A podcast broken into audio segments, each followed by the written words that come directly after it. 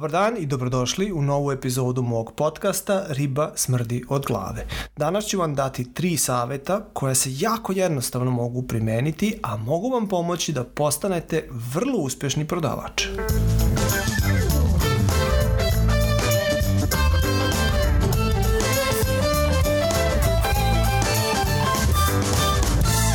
Dobar dan i dobrodošli još jednom u novu epizodu mog podcasta Riba smrdi od glave.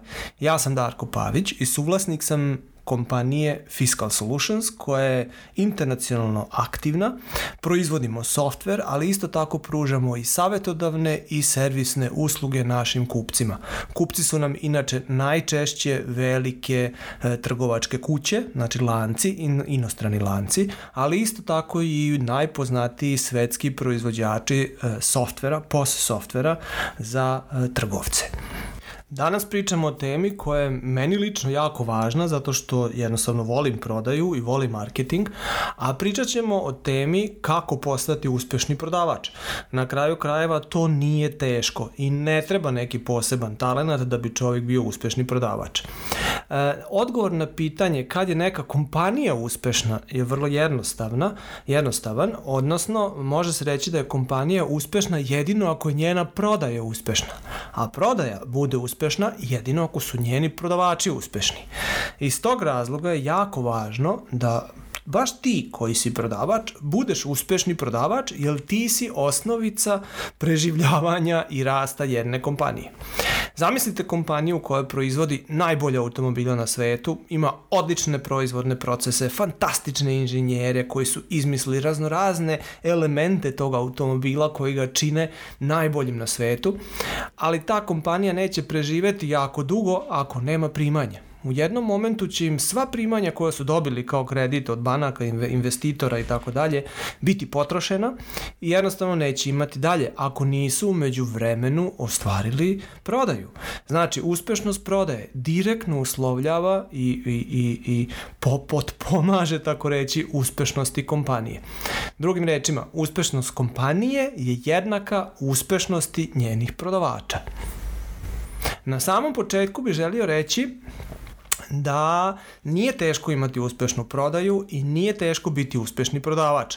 Zato vam ne treba ekstra škola, ne treba vam poseban talent i tako dalje. E, mislim da ona promena od neuspešnog ka uspešnom prodavaču se događa u principu u momentu jedne spoznaje, tako reći, odnosno kad prodavač shvati da mu za uspeh nije neophodno bitno da ima raznorazne iskustva, raznorazne škole i raznorazne talente, nego kad spozna u principu šta je bit prodaje i da je on taj koji to bez problema može da implementira i kroz to postane e, sposoban i uspešni prodavač. Uh, Um, od tog momenta, znači od momenta te spoznaje, se njegova percepcija njego, njega samoga, njegovih mušterija, način komuniciranja i tako dalje menja i on postaje uspešan.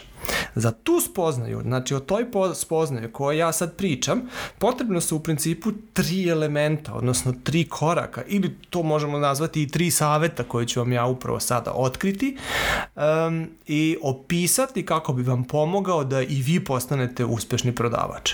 Drugim rečima, ja ću vam sada otkriti veliku tajnu koju svi uspešni prodavači znaju, a, a nekako baš ne pričaju puno o tome. Naime, radi se o tri stvari, tri tajne, tako reći, koje su neophodne da bi upravo ti uspešno prodao. Pa krenimo redom. Tačka broj 1 ili prva tajna. Naravno, moraš imati produkt koji tvojim potencijalnim kupcima treba ili ga oni žele imati. Obratite ovde pažnju da sam naveo u principu dve vrste produkata. Znači, one produkte koje kupac, potencijalni kupac treba. Drugim rešima, rečima, te produkte on mora da ima, rešavaju mu određene probleme i jednostavno ih on mora imati. I drugu grupu produkata sam upravo spomenuo, a to su one koji on želi da ima. Oni mu ne trebaju e, nešto posebno, ali ih on želi da, želi da ih ima. Iz raznih razloga. O razlozima i potrebe i želje e, ne pričam u ovom momentu, u ovoj epizodi, ali čisto da, da, da znate i da obratite pažnju na to. U ovom momentu ništa drugo nije bitno. Znači nije bitno ni kakav je taj produkt, ni pošto je, ni kakva mu je kvaliteta, ni da li ima konkurencije ili sličnih produkata na tržištu, apsolutno ništa nije bitno. Bitno je samo da ti imaš produkt koji nekome treba ili koji neko želi. To je prva spoznaja koju moraš da imaš. Ako nemaš taj produkt, nemoj ni poč ili uslugu naravno, nemoj ni počinjati prodaju jer nema šta da ti donese uspeh. Tačka broj 2. E, ovu tačku treba da, smis, da, da shvatiš, da razmisliš o njoj, da je prihvatiš i da je promeniš, tako reći, u svom sadašnjem shvatanju, a to je najbolji produkt ti ništa ne vredi ako niko ne zna da ga imaš.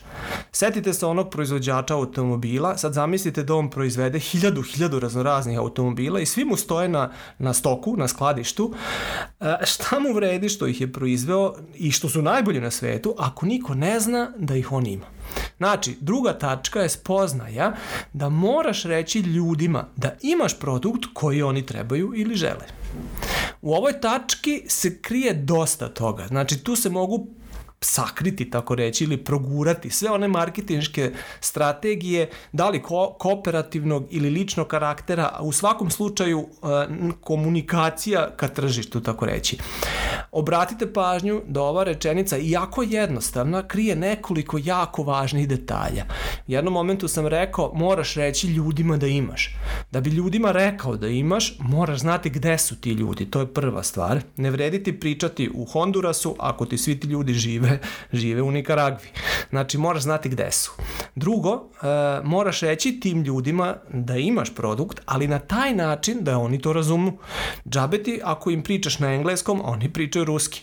Znači, moraš na njima prilagođenom jeziku, sad tu ne mislim stvarno na jezik koji je vezan za zemlju, ali i na njega mislim, nego više mislim na, na, na um, tržišni segment u kojem se kretaju, kreću, zato što svaka, svaki tržišni segment ima svoj specifičan jezik, moraš koristiti naravno te izraze da bi oni uopšte razumeli o čemu ti pričaš. E, napravimo jedan primer, onako da to bude jednostavno i jasno. Ako danas svi tvoji potencijalni kupci koriste LinkedIn, znači oni su u toj zemlji, zemlji zvanoj LinkedIn, uh, ne vredi ti da odeš da komuniciraš na Facebooku kako imaš super produkt. Znači moraš otići na LinkedIn, biti prisutan na LinkedInu i onda na LinkedInu na njihovom jeziku ispričati i komunicirati da imaš produkte koje oni trebaju ili žele.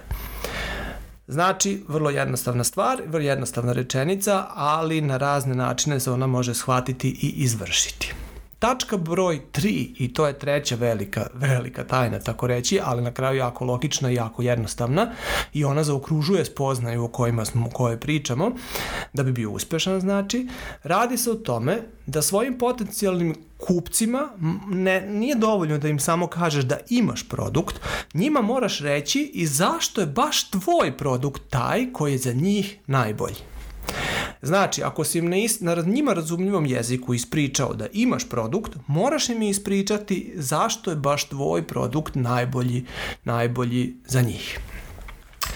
Eh, ako budemo, ako, kad budeš malo razmišljao o svim ovim tačkama, obrati pažnju o tome da ni u jednom momentu nisam pričao o kvaliteti produkta, o vrsti produkta, o ceni produkta i tako dalje. To su sve osobine produkata ili usluga koje u principu uopšte ne igraju nikakvu ulogu. Oni mogu biti element ili, ili deo igre u toku razgovora sa kupcima, ali oni nijukom slučaju nisu ti koji presuđuju o tome da li ćeš biti uspešan ili ne njihova važnost je uvek sekundarna.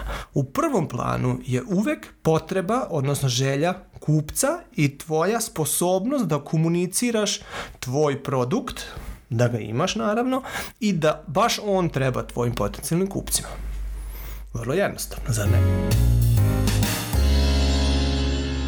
Želim vam puno uspeha, bilo mi je jako drago da smo se družili u ovoj epizodi i slušamo se i u sledećoj. Lep pozdrav!